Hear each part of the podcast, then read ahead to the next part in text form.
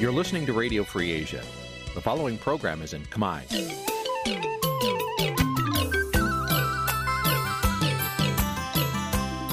Nǐ chi càm bi tiệp xáy vệt chiu a zì sê ray នេះជាកម្មវិធីផ្សាយរបស់ Vithu Azisari ជាភាសាខ្មែរ វត្តឈូអាស៊ីសេរីសូមស្វាគមន៍លោកអ្នកនាងទាំងអស់ពីរដ្ឋធានី Washington នៃសហរដ្ឋអាមេរិកបានខ្ញុំបាទយ៉ងច័ន្ទដារា សូមជម្រាបសួរលោកអ្នកនាងអ្នកស្ដាប់វិទ្យុអាស៊ីសេរីទាំងអស់ជាទីមេត្រីខ្ញុំបាទសូមជូនកម្មវិធីផ្សាយសម្រាប់ព្រឹកថ្ងៃអាទិត្យ7កើតខែកដិកឆ្នាំថោះបัญចស័កពុទ្ធសករាជ2567ត្រូវនៅថ្ងៃទី19ខែវិច្ឆិកាគ្រិស្តសករាជ2023បាទជាដំបូងនេះសូមអញ្ជើញអស់លោកអ្នកនាងស្ដាប់ព័ត៌មានប្រចាំថ្ងៃដែលមានមេត្តាដូចតទៅ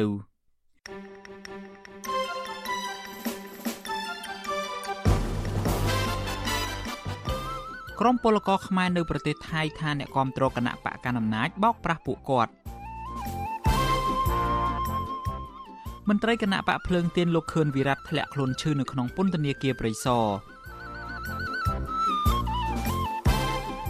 ការសាងសង់នៅមូលដ្ឋានតបជើងទឹករៀមមានសន្ទុះខ្លាំងក្រោយមានជំនួយពីប្រទេសចិន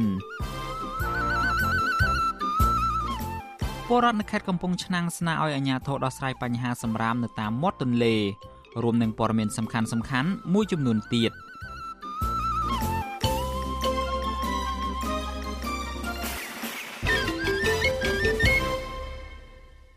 បាទជាបន្តទៅទៀតនេះខ្ញុំបាទយ៉ងច័ន្ទដារាសូមជូនព័ត៌មានទាំងនេះពិស្ដាបាទលោកនាងជាទីមេត្រីក្រមពលករខ្មែរធ្វើការងារនៅប្រទេសថៃបានចោទប្រកាន់ថា ក្រុមមេខ្យល់ជាអ្នកគ្រប់គ្រងគណៈបកកណ្ដាលអំណាចបានបោកប្រាស់ពួកគាត់តាមបណ្ដាញសង្គម Facebook ថានឹងជួយរកការងារឲ្យធ្វើនៅប្រទេសថៃតែមកដល់ប្រទេសថៃគ្មានការងារធ្វើដោយការសន្យាឡើយ។អ្នកការពារសិទ្ធិពលករជំរុញឲ្យមន្ត្រីស្ថានទូតចាត់វិធានការទៅលើជនខិលខូចទាំងនោះបើមិនដូច្នេះទេពលករជាច្រើនអ្នកទៀតនឹងរងគ្រោះព្រោះបញ្ហានេះដែរបាទលោកសេកបណ្ឌិតរាយការណ៍ព័ត៌មាននេះជូនលោកអ្នកនាង ពលករខ្មែរដែលចេញទៅរកការងារធ្វើនៅប្រទេសថៃ កំពុងចាញ់បោកក្រុមមេខ្យល់ដែលអះអាងថាខ្លួនជាអ្នកគាំទ្រគណៈបកប្រជាជនកម្ពុជាក្រុមមេខ្យល់ទាំងនោះយកអធិបុលគណៈបកនេះព្រមានមិនអោយប្តឹងទៅសមត្ថកិច្ចថៃឬមន្ត្រីស្ថានទូតខ្មែរប្រចាំនៅប្រទេសថៃឡើយបើមិនដូច្នោះទេក្រមពលករប្រឈមនឹងគ្មានការងារធ្វើនិងមិនអាចបានប្រាក់ដែលពួកគេដកហូតពីពលករមកវិញឡើយ ពលករចាញ់បោកមេខ្យល់ម្នាក់លោកស៊ីនសាវិនប្រាប់បទសុអសីសេរីនៅថ្ងៃទី18វិច្ឆិកាថាលោកមកធ្វើការងារនៅប្រទេសថៃដោយឃើញមានការបង្ហោះព័ត៌មានជ្រើសរើសពលករឲ្យមកធ្វើការងារនៅប្រទេសថៃតាមទំព័រ Facebook លោកបន្តថាពេលមកដល់ប្រទេសថៃដំបូងមានការងារធ្វើរយៈពេល2ខែក្រោយមកបានបង់ប្រាក់ទៅឲ្យក្រុមមេខ្យល់ចំនួន5000បាត ឬស្មើនឹងជិត200ដុល្លារ លោកបន្តថាលោកធ្វើការបានតែ2ខែរោងចក្រលែងមានការងារឲ្យលោកធ្វើដោយលោកត្រូវស្នាក់នៅក្នុងបន្ទប់ជួលជាច្រើនខែដើម្បីរងចាំការងារថ្មីវិស័យដល់ការងាររើសមិនទាន់ទៅមិនទាន់អញ្ចឹងដល់ពេលយើងតាក់តងទៅយកមិនយក3000ដបង3000ឆ្លៃទៅនាំចូលរោងចក្រអញ្ចឹងដល់ពេលធ្វើបាន2ខែទៅវាអស់ការងារអញ្ចឹងទៅខាងរោងចក្រក៏ដកយើងចេញលោកស៊ីនសាវិនបន្តថារូបលោកនិងពលករផ្សេងទៀត បានទៀមទាឲ្យក្រមមេខ្យល់ដោះស្រាយបញ្ហានេះប៉ុន្តែពួកគេមិនដោះស្រាយឲ្យទេនិងប្រមានមិនឲ្យប្តឹងទៀតលោកប្រាប់ថាក្រមមេខ្យល់មានគ្នាច្រើន ទាំងក្រុមហ៊ុននៅស្រុកខ្មែរនិងភ្នាក់ងារនៅប្រទេសថៃហើយពួកគេអះអាងថាខ្លួនមានទំនាក់ទំនងជិតស្និទ្ធជាមួយនឹងមន្ត្រីស្ថានទូតខ្មែរប្រចាំនៅប្រទេសថៃ និងជាសកម្មជនគណបកប្រជាជនកម្ពុជានៅក្នុងប្រទេសថៃគេ អាអាងថាដេគេនឹងដើរមួយស្ថានទូតខ្សែគ្នាគេហ្នឹងស្ថានទូតតែរូបរូបថតឃើញគេនឹងឃើញមានមែនដើរមួយស្ថានទូតគេដើរឃោសនាជាមួយគ្នាមែនបងក្រមពលករឲ្យដឹងទៀតថាក្រមមេខ្យល់ទាំងនោះផ្សព្វផ្សាយនៅតាមបណ្ដាញសង្គម Facebook ថាត្រូវការជ្រើសរើសពលករមកធ្វើការងារនៅក្នុងប្រទេសថៃជាបន្ទាន់តែពលករធ្វើការងារបានតែមួយរយៈពេលខ្លីគឺគ្មានការងារឲ្យធ្វើទៀតទេចំណែកឯកសារ និងប្រាក់ថ្លៃរត់ការឯកសារក៏ត្រូវបានក្រមមេខ្យល់ដកហូតមិនប្រគល់មកវិញដែរអ្នកធ្វើការងារសង្គមនិងជួយការពារសិទ្ធិពលករខ្មែរនៅប្រទេសថៃលោកប្រាក់ភត្រាឲ្យដឹងថាក្រុមមេខ្យល់ដែលបង្ហោះតាម Facebook ជ្រើសរើសពលករមកធ្វើការងារនៅប្រទេសថៃតែងតែបង្ហោះរូបភាពដែលមានទំនាក់ទំនងជាមួយនឹងមន្ត្រីស្ថានទូតខ្មែរប្រចាំនៅប្រទេសថៃក្រោមរូបភាពធ្វើសកម្មភាពគាំទ្រគណៈបកកណ្ដាលអំណាច លោកប្រាក់ភត្រាឲ្យដឹងទៀតថា ត្រឹមរយៈពេល1ខែមកនេះយ៉ាងហោចណាស់មានពលករជាង10នាក់បានពឹងពាក់ឲ្យលោកជួយផ្សព្វផ្សាយករណីចាញ់បោកមីខ្យល់រកការងារឲ្យធ្វើតាមបណ្ដាញសង្គម Facebook អ្នកធ្វើការងារសង្គមរូបនេះយល់ថាក្រមមេខ្យល់ដែលពាក់អាវគណៈបកប្រជាជនកម្ពុជា តែងតែមកកេងប្រវ័ញ្ចកម្លាំងពលករដូច្នេះគឺងាយធ្វើឲ្យពលករជឿទុកចិត្ត លោកជំរុញឲ្យស្ថាប័នពាក់ព័ន្ធនិងស្ថានទូតកម្ពុជាប្រចាំនៅប្រទេសថៃចាត់វិធានការផ្លូវច្បាប់ទប់ស្កាត់ជនខិលខូចទាំងនេះ។ ដល់អញ្ចឹងទៅវាធ្វើឲ្យពលករនោះគ្នារងគ្រោះហើយមិនទទួលបានគេហៅថាភាពយុត្តិធម៌ព្រោះថាក្រមមេខ្យល់ទាំងអស់ហ្នឹងវាវាពាក់អាវប៉ាក់មករស់ស៊ីបោកប្រាស់បកអញ្ចឹងវាជារឿងមិនត្រឹមត្រូវហើយវាជារឿងមួយដែលធ្វើបាបខ្មែរគ្នាឯងដែលគ្នាមកគ្មានការងារក្នុងស្រុកហើយមកនៅស្រុកគេហើយត្រូវអាបាក់ពួកមេខ្យល់ដែលជាអាងថាក្រមសកម្មជនបាក់ហ្នឹងមកធ្វើបាបជាជាន់គ្នាទៀតតើតើនឹងបញ្ហានេះ វិទ្យុអសីសេរីនៅពុំទាន់អាចសុំការបំភ្លឺពីប្រធានអនុព័ន្ធការងារអមស្ថានទូតកម្ពុជាប្រចាំនៅប្រទេសថៃលោកឈឹមវិបុលអ្នកនាំពាក្យក្រសួងការបរទេសលោកអានសុខឿនបានទេ នៅថ្ងៃទី18ខែវិច្ឆិកាចំណែកអ្នកនាំពាក្យគណៈបកប្រជាជនកម្ពុជា លោកឈឹមផលវរុនសុំមិនបកស្រាយអំពីរឿងនេះទេក្រមពលករបារម្ភថាប្រសិនបើស្នើទៅមន្ត្រីស្ថានទូតកម្ពុជា គេមិនជួយអន្តរាគមន៍ និងមានពលករជាច្រើនអ្នកផ្សេងទៀតចាញ់បោកក្រុមមេខ្យល់ទាំងនោះទោះយ៉ាងណាអ្នកការពារសិទ្ធិពលកររិះគន់មន្ត្រីស្ថានទូតកម្ពុជាប្រចាំនៅប្រទេសថៃថាពួកគេធ្វើការងារសកម្មតែរឿងពង្រឹងបាក់ទេប៉ុន្តែបើពលករជួបការរំលោភបំពានសិទ្ធិឬចាញ់បោកមេខ្យល់គេមិនសូវឃើញមន្ត្រីស្ថានទូតជួយអន្តរាគមន៍ទាន់ពេលវេលាឡើយរបាយការណ៍របស់ក្រសួងការងារកម្ពុជាឲ្យដឹងថា បច្ចុប្បន្នមានពលករខ្មែរជាង1លាន2សែននាក់កំពុងធ្វើការងារនៅក្នុងប្រទេសថៃប៉ុន្តែរបាយការណ៍របស់អង្គការសង្ត្រាល់បង្ហាញថាមានពលករខ្មែរកំពុងធ្វើការងារដោយស្របច្បាប់ និងមិនស្របច្បាប់នៅប្រទេសថៃប្រមាណ2លាននាក់ដោយមួយចំនួនពួកគាត់ទទួលរងការរំលោភបំពានសិទ្ធិការងារនិងបាត់បង់ផលប្រយោជន៍ដែលធ្វើឲ្យប៉ះពាល់ដល់បញ្ហាផ្នែកសេដ្ឋកិច្ចគ្រួសារខ្ញុំបាទសេកបណ្ឌិត វិទ្យុអាស៊ីសេរីពីរដ្ឋធានីវ៉ាស៊ីនតោនអាស៊ីសេរីលោកអ្នកនាងកំពុងស្ដាប់ការផ្សាយរបស់វិទ្យុអាស៊ីសេរីពីរដ្ឋធានី Washington នៃសហរដ្ឋអាមេរិកគណៈបកប្រជាជនកម្ពុជា បានកាន់អំណាចប្រមាណ40ឆ្នាំមកហើយក៏ប៉ុន្តែគណៈបកមួយនេះហាក់មិនទុកចិត្តខ្លួនឯងនៅឡើយទេគណៈបកនេះបានស្វាស្វែងប្រម៉ែប្រមូលគណៈបកតូចតូចឲ្យមកនៅក្រោមការត្រួតត្រារបស់ខ្លួនឥឡូវនេះ គណៈបកប្រជាជនកម្ពុជារបស់លោកហ៊ុនសែនមានគណៈបកជិត30ជាសម្ព័ន្ធមិត្តរបស់ខ្លួនលោកហ៊ុនសែនបានចងសម្ព័ន្ធភាពជាមួយគណៈបកតូចតូចនេះគឺនៅស្របពេលដែលគណៈបកភ្លើងទៀនដែលជាបកប្រឆាំងធំជាងគេនៅកម្ពុជាបានចងសម្ព័ន្ធភាពជាមួយគណៈបក3ផ្សេងទៀតដើម្បីត្រៀមប្រកួតប្រជែងការបោះឆ្នោតនៅពេលខាងមុខតើហេតុអ្វីបានជាលោកហ៊ុនសែនចងសម្ព័ន្ធភាពជាមួយគណៈបកតូចតូចផ្សេងទៀតបែបនេះ បាទលោកអ្នកនាងនឹងបានស្ដាប់បទវិភាគអំពីរឿងនេះនៅក្នុងកម្មវិធីផ្សាយរបស់យើង នៅពេលបន្តិចទៀតនេះ។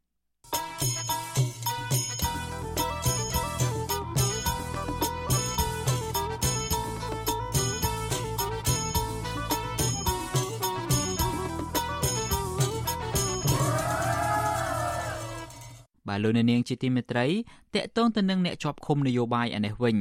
យើងទើបតែទទួលបានព័ត៌មានថាមន្ត្រីគណៈបកភ្លើងទៀនគឺលោកខឿនវិរៈបានធ្លាក់ខ្លួនឈឺនៅក្នុងពន្ធនាគារព្រៃសរក្រុមគ្រួសាររបស់លោកអះអាងថាការធ្លាក់ខ្លួនឈឺនេះគឺដោយសារតែមន្ត្រីពន្ធនាគារមិនសូវយកចិត្តទុកដាក់ថែទាំជាពិសេសមិនអនុញ្ញាតឲ្យលោកទៅព្យាបាលជំងឺតាមការណែនាំរបស់គ្រូពេទ្យនៅមន្ទីរពេទ្យខាងក្រៅពន្ធនាគារ មន្ត្រីសិទ្ធិមនុស្សស្នើដល់អាជ្ញាធរពន្ធនាគារយកចិត្តទុកដាក់ព្យាបាលជំងឺរបស់ជនជាប់ឃុំឲ្យបានត្រឹមត្រូវបាទលោកច័ន្ទដារ៉ូរាយការណ៍អំពីរឿងនេះ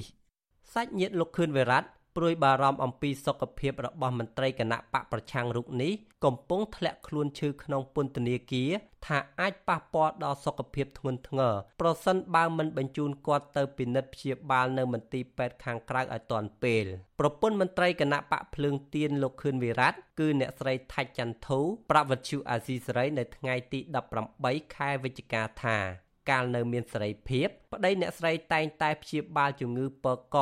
និងជំងឺលើសឈាមពីគ្រូពេទ្យជំនាញប៉ុន្តែក្រោយពេលជាប់ឃុំរយៈពេល10ខែមកនេះប្តីអ្នកស្រីបានខកខានពិនិត្យតាមដាន ដែលធ្វើឲ្យជំងឺធ្វើទុករហូតវិលមុខញ័រដៃជើងជាដើម អ្នកស្រីបន្ថែមថាប្តីអ្នកស្រីបានក្តៅខ្លួនស្លេកស្លាំងខ្លាំងជាច្រើនថ្ងៃមកនេះទោះជាយ៉ាងណាក្តី អ្នកស្រីមិនទាន់ទទួលដំណឹងអំពីមូលហេតុនៃជំងឺ និងស្ថានភាពសុខទុក្ខប្តីនៅឡើយទេ ក្រោយពេលគ្រូពេទ្យនៅក្នុងពន្ធនាគារចូលយកឈាមទៅពិនិត្យនៅមន្ទីរពិសោធន៍រួចមក ខ្ញុំថាបើយើងខាងនឹងបើអត់មើលគាត់ដឹកដល់ទេមានន័យថាគ្រោះថ្នាក់ដល់គាត់ចឹងណាបងព្រោះយើងឈឺយើងត្រូវមានពេទ្យមានអីគ្រប់គ្រាន់ដែលពិនិត្យគាត់ចឹងដល់ពេលយើងឈឺចឹងអត់មានណាមើលដឹកដល់យើងទៅដល់បញ្ហាដល់គ្រប់ថ្នាក់ដែលព្រោះថាខ្ញុំដែរតែចឹងខ្ញុំបារម្ភដែរពេលចឹងយើងគាត់នៅក្នុងនឹងយើងអត់បានថែទាំគាត់ អ្នកស្រីថាច់ចន្ទធូឲ្យដឹងថាកាលពីពេលថ្មីថ្មីនេះគ្រូពេទ្យជំនាញនៅមជ្ឈមណ្ឌលសុខភាពមេតាករណាកម្ពុជា បានចេញលិខិតបញ្ជាក់ថាលោកខឿនវិរៈមានជំងឺពកកកម្រិតធ្ងន់ដោយតម្រូវឲ្យអ្នកជំងឺត្រូវពិនិត្យព្យាបាល និងបើកថ្នាំដោយផ្ទាល់ក្នុងរយៈពេល1ខែម្ដង។ ប្រពន្ធមន្ត្រីគណៈបកភ្លើងទៀនរូបនេះអះអាងថាអ្នកស្រីបានប្រគល់លិខិតនោះឲ្យទៅគ្រូពេទ្យនៅពន្ធនាគារជួយអន្តរាគមន៍ដែរប៉ុន្តែអាជ្ញាធរមិនទាន់ឲ្យលោកខឿនវិរៈអាចទទួលការព្យាបាលជំងឺតាមការណែនាំរបស់គ្រូពេទ្យយ៉ាងណានោះទេខ្ញុំវាអំនាវឲ្យខាងពន្ធនាគារ ជួយមើលប្តីខ្ញុំឲ្យដាក់ដល់បន្តិចដល់ពេលហ្នឹងខ្ញុំមានអាសនាសុំឲ្យតឡាការហើយថ្នាក់ដឹកនាំនៅប្រទេសកម្ពុជាខ្ញុំត្រូវស្នើឲ្យដោះលែងប្តីខ្ញុំនៅក្រៅឃុំដែលគាត់ទៅជាបាលជំងឺគាត់នៅនៅក្រៅវិញបងព្រោះគាត់នៅក្នុងហ្នឹងគាត់មិនអាចចេញក្រៅគាត់មិនអាច មានថ្នាំគ្រប់គ្រាន់ដែលគាត់ហូបចឹងណាជុំវិញរឿងនេះអ្នកនាំពាក្យអគ្គនាយកដ្ឋានពន្ធនាគារនៃក្រសួងមហាផ្ទៃលោកនុតសាវណ្ណាមិនទាន់ឆ្លើយតបនឹងសំណួររបស់វិទ្យុអាស៊ីសេរីតាមប្រព័ន្ធ Telegram នៅឡើយទេ នៅថ្ងៃទី18ខែវិច្ឆិកានេះកន្លងមកសកម្មជន ប្រជាពលរដ្ឋ និងអង្គការផ្នែកសិទ្ធិមនុស្សមួយចំនួនធ្លាប់បានរិះគន់អាជ្ញាធរក្រុងភ្នំពេញជុំវិញការអនុវត្តស្តង់ដារ2ចំពោះអ្នកជាប់ឃុំដែលក្រីក្រ និងអ្នកមានលុយមានអំណាច អ្នកជាប់ឃុំក្រីក្រ និងអ្នកទោសមនសិការមិនងាយទទួលបានការអនុញ្ញាតឲ្យសម្រាប់ព្យាបាលនៅមន្ទីរពេទ្យខាងក្រៅឡើយទោះបីពួកគេ មានជំងឺធ្ងន់ធ្ងរ ឬក៏ស្នើច្រើនដងបែបណាក្តីទុយទៅវិញ អ្នកជាប់ឃុំខ្លះដែលជាអ ுக ្រិតជន តែមានលុយឬមានអំណាច អាចទទួលបានការអនុញ្ញាតឲ្យសម្រាប់ព្យាបាលរយៈពេលវែងនៅមន្ទីរពេទ្យខាងក្រៅពន្ធនាគារតែកតិនរឿងនេះនាយកទទួលបន្ទុកកិច្ចការទូតនៃអង្គការសិទ្ធិមនុស្សលីកាដូ លោកអំសំអាត មានប្រសាសន៍ថាអាញាធរមានទួនាទីយកចិត្តទុកដាក់ ចំពោះជនជាប់ឃុំនិងបញ្ជូនទៅព្យាបាលនៅមន្ទីរពេទ្យខាងក្រៅទោះបីពួកគេមកពីនិន្នាការនយោបាយណាក៏ដោយលោកយល់ថាប្រសិនបើករណីគ្រូពេទ្យនៅក្នុងពន្ធនាគារពុំមានលទ្ធភាពព្យាបាលជំងឺនោះទេអាជ្ញាធរពន្ធនាគារគួរតែស្នើសុំតុលាការអនុញ្ញាតឲ្យលោកខឿនវិរៈបានទៅពិនិត្យព្យាបាលនៅមន្ទីរពេទ្យខាងក្រៅពីព្រោះការធ្វើប្រហែសនាំឲ្យគ្រោះថ្នាក់ដល់អាយុជីវិត ឬប៉ះពាល់ដល់សុខភាពជនជាប់ឃុំ ជាការទទួលខុសត្រូវរបស់មន្ត្រីពន្ធនាគារចំពោះមុខច្បាប់បញ្ហាដែលគេរិះគន់អំពីលំហសេរីភាពនយោបាយយើងគឺមានការធ្លាក់ចុះហ្នឹងហើយអាណត្តិរាជរដ្ឋាភិបាលទី7ហើយតែជាឈាមជ័រថ្មីផងខ្ញុំគិតថាដើម្បីសម្រួលនៃបញ្ហាលំហនយោបាយទាំងអស់ហ្នឹងសកម្មជននយោបាយដែលពាក់ព័ន្ធនឹងការចោទប្រកាន់ហើយគេរិះគន់ថាវាជារឿងនយោបាយច្រើនជាងការអនុវត្តច្បាប់នោះគឺតែពិចារណានៅក្នុងការដោះលែងឲ្យមានសេរីភាពដើម្បីបើកលំហសេរីភាពនយោបាយនឹងឲ្យបានទូលាយឡើងវិញនោះបាទលោកខឿនវិរៈ វ័យ33ឆ្នាំមានដើមកំណើតខ្មែរក្រោមនិងជាអ្នកនយោបាយថ្នាក់មូលដ្ឋានដ៏សកម្មនិងស្មោះត្រង់ចំពោះឆន្ទៈម្ចាស់ឆ្នោតដែលបោះឆ្នោតឲ្យលោកក្លាយទៅជាចៅសង្កាត់រងទី1នៅក្រុងភ្នំពេញមកពីគណៈបកសង្គ្រោះជាតិកាលពីឆ្នាំ2017 បច្ចុប្បន្នលោកជាប្រធានចលនាយុវជនថ្នាក់ជាតិរបស់គណៈបកភ្លើងទៀនអាញាធរក្រុងភ្នំពេញបានចាប់ខ្លួនលោករួមជាមួយមន្ត្រីគណៈបកភ្លើងទៀនពីររូបផ្សេងទៀតគឺលោកតូចថងនិងអ្នកស្រីនូសុធារី កាលពីថ្ងៃទី24ខែមិនិនាក្រោយពេលតឡាការក្រុងភ្នំពេញកាត់ទោសពួកគេឲ្យជាប់ពន្ធនាគារ2ឆ្នាំ ពីបទក្លែងបន្លំឯកសារក្នុងការបង្កើតគណៈបកបេះដូងជាតិកាលពីឆ្នាំ2021សាលាឧត្តរភ្នំពេញនឹងបើកសវនាការជំនុំជម្រះលើបណ្ដឹងជំទាស់របស់លោកខឿនវិរៈនិងអ្នកស្រីនូសុធារី នៅព្រឹកថ្ងៃទី30ខែវិច្ឆិកាខាងមុខនេះប៉ុន្តែគ្រួសារសង្ឃឹមថាសាលាឧត្តរភ្នំពេញនឹងទម្លាក់ចោលការចោទប្រកាន់ហើយដោះលែងប្តី និងសកម្មជនផ្សេងទៀតឲ្យមានសេរីភាពឡើងវិញ ពីព្រោះការឃុំខ្លួនមនុស្សដែលស្អាតស្អំឲ្យរងទុក្ខវេទនាបែកបាក់គ្រួសារគឺជាការដាក់ទណ្ឌកម្មផ្លូវចិត្តនិងផ្លូវកាយលើអ្នកតស៊ូដើម្បីបបប្រហែតជាតិខ្ញុំបាទច័ន្ទដារោវុទ្ធុអាស៊ីសេរី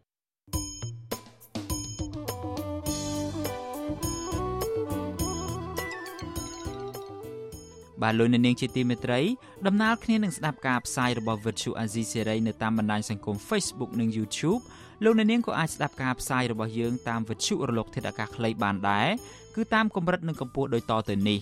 ពេលព្រឹកចាប់ពីម៉ោង5កន្លះដល់ម៉ោង6កន្លះតាមរយៈប៉ុស SW 93.90 MHz ស្មើនឹងកម្ពស់ 32m និងប៉ុស SW 11.85 MHz ស្មើនឹងកម្ពស់ 25m ពេលយប់ចាប់ពីម៉ោង7កន្លះដល់ម៉ោង8កន្លះតាមរយៈប៉ុស SW 93.30 MHz ស្មើនឹងកម្ពស់ 32m ប៉ុស SW 11.88 MHz ស្មើនឹងកម្ពស់ 25m និងប៉ុស SW 15.15 MHz ស្មើនឹងកម្ពស់ 20m បាទសូមអរគុណ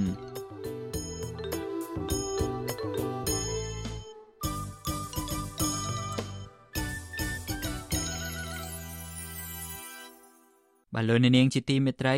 យើងងាកមកចាប់អារម្មណ៍ពាក់ព័ន្ធទៅនឹងការអភិវឌ្ឍនៅមូលដ្ឋានកងទ័ពជើងទឹករៀមឯនេះវិញមូលដ្ឋានកងទ័ពជើងទឹកសមុទ្ររៀមដែលជាជំនួយរបស់រដ្ឋអំណាចចិនកំពុងលេចរូបរាងសំណង់អគារជាបន្តបន្ទាប់ខណៈកម្ពុជានិងចិនអះអាងថាគម្រោងធ្វើទំនើបកម្មកំពង់ផែសមុទ្ររៀមគ្រោងបិទបញ្ចប់ការសាងសង់នៅឆ្នាំ2024 អ្នកជំនាញជាតិនិងអន្តរជាតិព្រួយបារម្ភអំពីការប្រើប្រាស់កំពង់ផែរៀមផ្ដាច់មុខដោយកងទ័ពរំដោះប្រជាជនចិនដែលវាអាចបង្កបញ្ហាអសន្តិសុខក្នុងតំបន់និងទាញឲ្យកម្ពុជាស្ថិតនៅក្រោមអាណានិគមនៃការអភិវឌ្ឍបែបថ្មីរបស់ប្រទេសចិនកុម្មុយនីសបាទលោកជាតិចំណានរាយការណ៍ព័ត៌មាននេះជូនលោកអ្នកនាងរឿងរ៉ាវជំរងចម្រាស់នៅកំពង់ផែរៀមនៅខេត្តព្រះសីហនុនៅតែជាបញ្ហាចោតដែលប្រទេសលោកស្រីនិងអ្នកជំនាញ លើកឡើងអំពីការវិវត្តនៃសំណង់អគារថ្មីថ្មីនិងបន្តចោទប្រកាន់ថាមូលដ្ឋានកងទ័ពកំពង់ផែរៀមនេះនឹងក្លាយជាកម្មសិទ្ធិផ្ដាច់មុខនៃកងទ័ពរំដោះប្រជាជនចិនអ្នកតាមដានភូមិសាស្ត្រតំបន់អាស៊ីអាគ្នេយ៍និងប៉ាស៊ីហ្វិកលោកសេងវ៉ាន់លីប្រាប់វិទ្យុអស៊ីសេរីនៅថ្ងៃទី18ខែវិច្ឆិកាថាមូលហេតុដែលបណ្ដាលឲ្យប្រទេសលោកខាងលិចបន្តចោទប្រកាន់ថាកម្ពុជាអនុញ្ញាតកងទ័ពចិនដាក់មូលដ្ឋាននៅលើទឹកដីខ្លួនបែបនេះ ដោយសារតែកម្ពុជាពុំបានធានានយោបាយអភិជាក្រិតរបស់ខ្លួននិងបង្កើតកិច្ចសហប្រតិបត្តិការជិតស្និទ្ធជាមួយនឹងចិនតែម្ខាងលោកសេងម៉ាលីព្រួយបារម្ភថាប្រសិនបើគម្រោងកងទ័ពជើងទឹករៀមដែលបំរើដល់យោធាចិនពិតមែននោះកម្ពុជានឹងខាត់បង់ធំធេងទាំងផ្នែកសេដ្ឋកិច្ចនយោបាយគណៈបណ្ដាសមាជិកអាស៊ានមួយចំនួនដែលមានចំនួនជាមួយចិនក្នុងសមុទ្រចិនខាងត្បូងកំពុងព្រួយបារម្ភពីការពង្រីកឥទ្ធិពលយោធាចិនដែលអាចបង្កការគំរាមកំហែងសន្តិសុខក្នុងតំបន់ ម្យ៉ាងទៀតតំណែងទំនងយុទ្ធសាស្ត្ររវាងកងទ័ពកម្ពុជានិងកងទ័ពចិនបានបង្កើនការព្រួយបារម្ភក្នុងចំណោមប្រទេសជិតខាងអំពីការកើនឡើងនៃវត្តមានយោធារបស់ចិនក្នុងតំបន់និងសក្តានុពលរបស់ចិនក្នុងការផ្លាស់ប្ដូរទិដ្ឋភាពអំណាចការនេះបាននាំមានភាពតានតឹងកាន់តែខ្លាំងនឹងការប្រកួតប្រជែងដណ្ដើមឥទ្ធិពលក្នុងចំណោមមហាអំណាចក្នុងតំបន់ក៏ដូចជាជះផលប៉ះពាល់ដល់សន្តិសុខនិងសេរីភាពក្នុងតំបន់អាស៊ីអាគ្នេយ៍ក៏ដូចជាតំបន់ Indo-Pacific ទាំងមូលបាទគេហទំព័រដែលបង្ហាញពីទិន្នន័យផែនដីប្រចាំថ្ងៃជាសកលនៅសហរដ្ឋអាមេរិកឈ្មោះ Planet Labs បង្ហាញថានៅចន្លោះថ្ងៃទី3ខែមករាដល់ថ្ងៃទី11ខែវិច្ឆិកាឆ្នាំ2023មូលដ្ឋានកងទ័ពសមុទ្ររៀមត្រូវបានពង្រីកការសាងសង់យ៉ាងឆាប់រហ័សសមាជិកជាន់ខ្ពស់នៃកម្មវិធីការពារមជ្ឈមណ្ឌលសម្រាប់សន្តិសុខអាមេរិកថ្មីលោក Tom Sorgat ដែលបានតាមដានគម្រោងនេះប្រាប់វិសុអាស៊ីសេរីថាផ្ទៃដីដែលទើបបានឈូសឆាយថ្មីនេះមានទំហំប្រមាណ30ហិកតាក្រៅពីនេះលោកឲ្យដឹងថាសំណង់អគារធំធំដែលរចនាសម្ព័ន្ធមួយចំនួនបានលេចរូបរាងនៅក្នុងកំពង់ផែចុងក្រោយនេះដែលគេសង្ស័យថាជាបន្ទាយ អគាររដ្ឋបាលនិងអគារសិក្ខាសាលារូបភាពពីផ្កាយរណបចាប់ពីខែឧសភាឆ្នាំ2023បង្ហាញថាកំពង់ផែរៀមមានការពង្រីកប្រវែងកំពង់ផែដែលក្រុមអ្នកវិភាគបានប្រមាណថាមានប្រវែង300ម៉ែត្រលោក Tom Surgut ឲ្យដឹងថាប្រវែងនៃការពង្រីកនេះអាចផ្ទុកកប៉ាល់រួមទាំងនាវាផ្ទុករថយន្តប្រភេទ003របស់កងទ័ពជើងទឹកចិនផងដែរលោកជឿជាក់ថាការពង្រីកកំពង់ផែរៀមប្រមាណ300ម៉ែត្រយ៉ាងហោចណាស់នឹងជួយដល់ការប្រយុទ្ធនៅលើផ្ទៃទឹក តាមរយៈនាវាពិឃាតនិងនាវាដែលគ្រប់គ្រងផ្នែកដឹកជញ្ជូនទស្សនាវដ្តី New Weeks ចុះផ្សាយនៅថ្ងៃទី14ខែវិច្ឆិកាដោយត្រង់ប្រសាសន៍អ្នកវិភាគសន្តិសុខដែនសមុទ្រលោក Hai Sutton ថាវត្តមាននៅមូលដ្ឋានកងទ័ពជើងទឹករៀមដែលសង្ស័យថាមានវត្តមានចិននោះកំពុងអភិវឌ្ឍប្រព័ន្ធហេដ្ឋារចនាសម្ព័ន្ធដែលផ្ទុកនាវាចម្បាំងនិងនាវាមុជទឹករបស់ចិនលើពីនេះលោក Sutton វិភាគថាទំហំនៃការពង្រីកប្រវែងនៅកំពង់ផែរៀមគឺជាការបញ្ជាក់ពីលទ្ធភាពនៃការប្រើប្រាស់របស់ទីក្រុងប៉េកាំង ដែលកំពុងគ្រប់គ្រងដោយរដ្ឋអំណាចចិនមួយនេះសាងសង់រួចរាល់លោក Haiseton ឲ្យដឹងទៀតថាកងទ័ពជើងទឹកកម្ពុជាមាននាវាកងទ័ពជើងទឹកតិចតួចប្រើប្រាស់កំពង់ផែរៀមប្រវែងប្រមាណ50ម៉ែត្រតែប៉ុណ្ណោះទាក់ទងនឹងរឿងនេះអគ្គមេបញ្ជាការរងនៃកងយុទ្ធពលខេមរៈភូមិន្ទនិងជាមេបញ្ជាការកងទ័ពជើងទឹកលោកទាវិញបដិសេធធ្វើអត្ថាធិប្បាយជុំវិញរឿងនេះដែលលោកប្រាប់ថាថ្នាក់លើមិនអនុញ្ញាតឲ្យលោកបកស្រាយ អូអត់ទេពួកខាងលើទៅបាច់ពួកខ្ញុំទេអត់បានណាខ្ញុំមកចេះដោះស្រាយអត់បកស្រាយទេគឺខាងលើគេប្រាប់មិនឲ្យបកស្រាយវិសុវអស៊ីសេរីមិនអាចតាក់ទងរដ្ឋមន្ត្រីក្រសួងការពារជាតិលោកទាសីហាដើម្បីសាកសួរជុំវិញរឿងនេះបានទេនៅថ្ងៃទី18ខែវិច្ឆិកា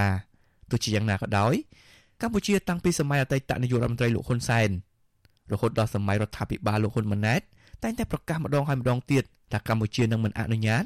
ឲ្យបរទេសណាមួយដាក់មូលដ្ឋានទ័ពនៅកម្ពុជាឡើយត្បិតវិជាការរំលោភអធិបតេយ្យនិងប្រឆាំងរដ្ឋធម្មនុញ្ញកម្ពុជាប៉ុន្តែទន្ទឹមនឹងការបិទបញ្ចប់ការសាងសង់មូលដ្ឋានកងទ័ពរៀមកម្ពុជាដែលដឹកនាំដោយលោកនាយករដ្ឋមន្ត្រីហ៊ុនម៉ាណែតជិត3ខែមកនេះមន្ត្រីភាគីកម្ពុជានិងចិនបានផ្លាស់ប្តូរការបំពេញទស្សនកិច្ចជាញឹកញាប់ដើម្បីពង្រឹងកិច្ចសហប្រតិបត្តិការលើវិស័យយោធាជាមួយចិននិងអះអាងថាដើម្បីពង្រីកចំណងមិត្តភាពនិងផ្ដល់ការជឿទុកចិត្តដល់គ្នាទៅវិញទៅមកមេបញ្ជាការកងទ័ពជើងគោកចិនកាលពីថ្ងៃទី6ខែវិច្ឆិកាបានមកបំពេញទស្សនកិច្ចនៅកម្ពុជា ដោយឯកភាពជាមួយកម្ពុជាថានឹងបន្តជួយគ្រប់គ្រងវិស័យការពារជាតិកម្ពុជាឲ្យកាន់តែរីកចម្រើនការបំពេញទស្សនកិច្ចនៅកម្ពុជារបស់មេបញ្ជាការកងទ័ពជើងគោកចិនរូបនេះបន្ទាប់ពីរដ្ឋមន្ត្រីការពារជាតិលោកទាសីហាកាលពីដើមខែវិច្ឆិកាបានទៅបំពេញទស្សនកិច្ចនៅប្រទេសចិននិងស្នើឲ្យចិនជួយគ្រប់គ្រងផ្នែកយោធាដល់កម្ពុជាទោះជាយ៉ាងណាអ្នកខ្លំមើលថាភាគីកម្ពុជាចិនកំពុងបង្ហាញពីភក្តីភាពដើម្បីជួយការពារអំណាចនិងមហិច្ឆតាគ្នាទៅវិញទៅមក ឯកសារយោធាសម្ងាត់របស់មន្ទីរបញ្ញកោណអាមេរិកដែលត្រូវបែកធ្លាយហើយកសែត The Washington Post យកមកចុះផ្សាយកាលពីចុងខែមេសាកន្លងទៅបង្ហាញថាផ្នែកមួយនៃកំពង់ផែកងទ័ពជើងទឹករៀមត្រូវបានកងរំដោះប្រជាជនចិនកំណត់ទុកសម្រាប់ប្រើប្រាស់ជាមូលដ្ឋានទ័ពនៃកងពលរបស់ខ្លួននិងជាផ្នែកមួយនៃបណ្ដាញគាំទ្រយោធារបស់ចិននៅលើពិភពលោកឯកសារដដែលនេះបង្ហាញថាមូលដ្ឋានទ័ពរបស់ចិននៅកំពង់ផែរៀមនេះទំនងជាអាចផ្ទុកវត្តមានកងទ័ពចិនបានតិចជាងកំពង់ផែដែលចិន កំពុងសាងសង់នៅប្រទេសអារ៉ាប់រួមលើពីនេះកងទ័ពរំដោះប្រជាជនចិនក៏ដាក់ផែនការបង្កើតមូលដ្ឋានទ័ពរបស់ខ្លួននៅក្រៅប្រទេសឲ្យបានយ៉ាងហោចណាស់ចំនួន5និងទីតាំងគ្រប់គ្រងដល់ការផ្គត់ផ្គង់ផូស្ភាចំនួន10ត្រឹមឆ្នាំ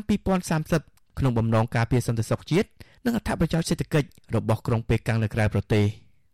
ការសាងសង់មូលដ្ឋានកងទ័ពជើងទឹករៀមដែលអាមេរិកសង្ស័យថាមានវត្តមានចិននោះក្រុងបិទបញ្ចប់ការសាងសង់នៅឆ្នាំ2024ខាងមុខ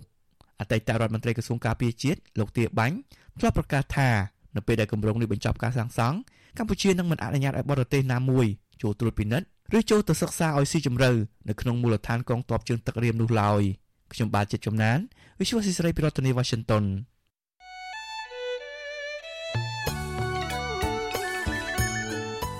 លោកអ្នកនាងជាទីមេត្រីវិទ្យុអាស៊ីសេរី ចាប់ផ្ដើមដំណើរការផ្សាយផ្ទាល់កម្មវិធីព័ត៌មានទាំងពេលព្រឹកនិងពេលយប់ជាផ្លូវការនៅលើបណ្ដាញសង្គមថ្មីមួយទៀតគឺបណ្ដាញសង្គម Telegram ចាប់ពីខែមេសាឆ្នាំ2023នេះតទៅលោកអ្នកនាងអាចស្វែងរក Telegram ផ្លូវការរបស់ Vuthu Azizi Siri ដោយស្វែងរកពាក្យថា Vuthu Azizi Siri ឬក៏ RFA ខ្មែរនៅលើទូរស័ព្ទដៃរបស់លោកអ្នកនាង បាទ Telegram ផ្លូវការរបស់ Vuthu Azizi Siri មានសញ្ញា Tick ជាសញ្ញាសម្គាល់ បាទក្រុមការងាររបស់ Vuthu Azizi Siri នឹងព្យាយាមរិះរកមធ្យោបាយថ្មីៗបន្ថែមទៀតដើម្បីផ្ដល់ភាពងាយស្រួលដល់លោកអ្នកនាងកញ្ញានៅក្នុងការស្ដាប់និងទស្សនាការផ្សាយព័ត៌មានរបស់យើង បាទសូមអរគុណ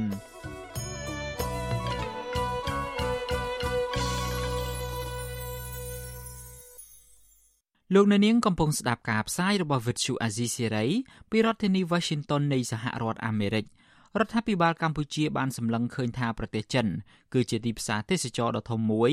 ដែលអាចធ្វើឲ្យកម្ពុជារកចំណូលចូលជាតិបានច្រើនគួរសមតាមរយៈវិស័យទេសចរនេះប្រសិនបើអាចតាក់ទាញប្រជាជនចិនឲ្យមកកំសាន្តនៅកម្ពុជាបានចំនួនច្រើននោះ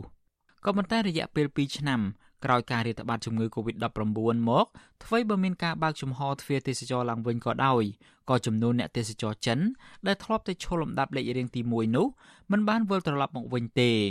បាទបញ្ហានេះធ្វើឲ្យរដ្ឋាភិបាលកម្ពុជា កំពុងប្រឹងប្រែងជាថ្មីទៀតដើម្បីតាក់ទាញភ្ញៀវទេសចរចិនឲ្យមកកំសាន្តនៅកម្ពុជាមានកំណើនឡើងវិញតើការប្រឹងប្រែងតាក់ទាញភ្ញៀវទេសចរចិននោះមានយុទ្ធសាស្ត្រយ៉ាងណាខ្លះ បាទលោកថាថៃសូមជូនសេចក្តីរាយការណ៍ពិស្ដាអំពីរឿងនេះដូចតទៅមន្ត្រីគ្រឹះស្ថានអង្គរដែលជាស្ថាប័នលក់សម្បត្តិសម្រាប់ភ្ញៀវទេសចរចូលទស្សនារមណីយដ្ឋានអង្គរឲ្យដឹងថាក្នុងរយៈពេល10ខែនៃឆ្នាំ2023នេះចំនួនភ្ញៀវទេសចរជនជាតិចិនដែលមកទស្សនាខេត្តសៀមរាបមានចំនួនប្រមាណ50000នាក់ចំនួននេះបើប្រៀបធៀបទៅនឹងឆ្នាំ2022ក្រោយពេលជំងឺ Covid ស្រាក់ស្រានគឺមានការកើនឡើង ក៏ប៉ុន្តែបើប្រៀបធៀបទៅនឹងមុនពេលជំងឺ Covid-19 វិញ គឺចំនួននេះបានថយចុះខ្លាំងអគ្គនាយកគ្រឹះស្ថានអង្គរលោកលីសែមានប្រសាសន៍ថាក្នុងរយៈពេល10ខែនៃឆ្នាំ2023នេះមានភ្ញៀវទេសចរបរទេសដែលមកទិញសម្បត្តិចូលទស្សនាអង្គរសរុបចំនួនប្រមាណ60ម៉ឺននាក់ហើយក្នុងចំនួនភ្ញៀវទេសចរបរទេសទាំងនោះគឺតួលេខភ្ញៀវទេសចរជនជាតិចិនដែលធ្លាប់តែឈរនៅលំដាប់លេខរៀងទី1បានធ្លាក់ចុះមកនៅលំដាប់លេខរៀងទី5វិញ លោកលីសែឲ្យដឹងទៀតថាបច្ចុប្បន្ននេះរដ្ឋាភិបាលកម្ពុជាក៏ដូចជាក្រសួងទេសចរនិងស្ថាប័នពាក់ព័ន្ធកំពុងប្រឹងប្រែងរៀបចំយុទ្ធសាស្ត្រផ្សព្វផ្សាយដើម្បីទាក់ទាញភ្ញៀវទេសចរចិន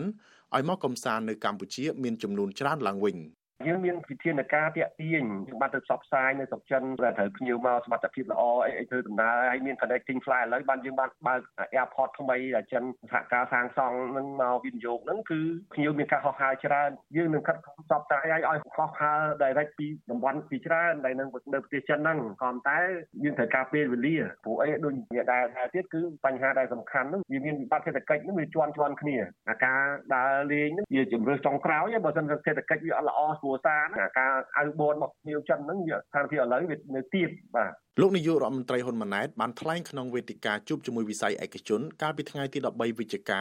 ដោយជំរុញឲ្យរដ្ឋបាលខេត្តសៀមរាបក្រសួងស្ថាប័នអាជ្ញាធរពាក់ព័ន្ធត្រូវរៀបចំកែលម្អប្រព័ន្ធហេដ្ឋារចនាសម្ព័ន្ធបរិស្ថានពង្រឹងផ្នែកសន្តិសុខសុវត្ថិភាពសម្រាប់ធ្នាប់សាធារណៈដល់ប្រជាពលរដ្ឋនិងភ្ញៀវទេសចរនៅតាមអាកាសយានដ្ឋានក្នុងក្រុងសៀមរាប និងតំបន់គោលដៅទេសចរផ្សេងទៀតដើម្បីទាក់ទាញទេសចរបរទេសឲ្យមកទស្សនាកម្ពុជាកាន់តែច្រើន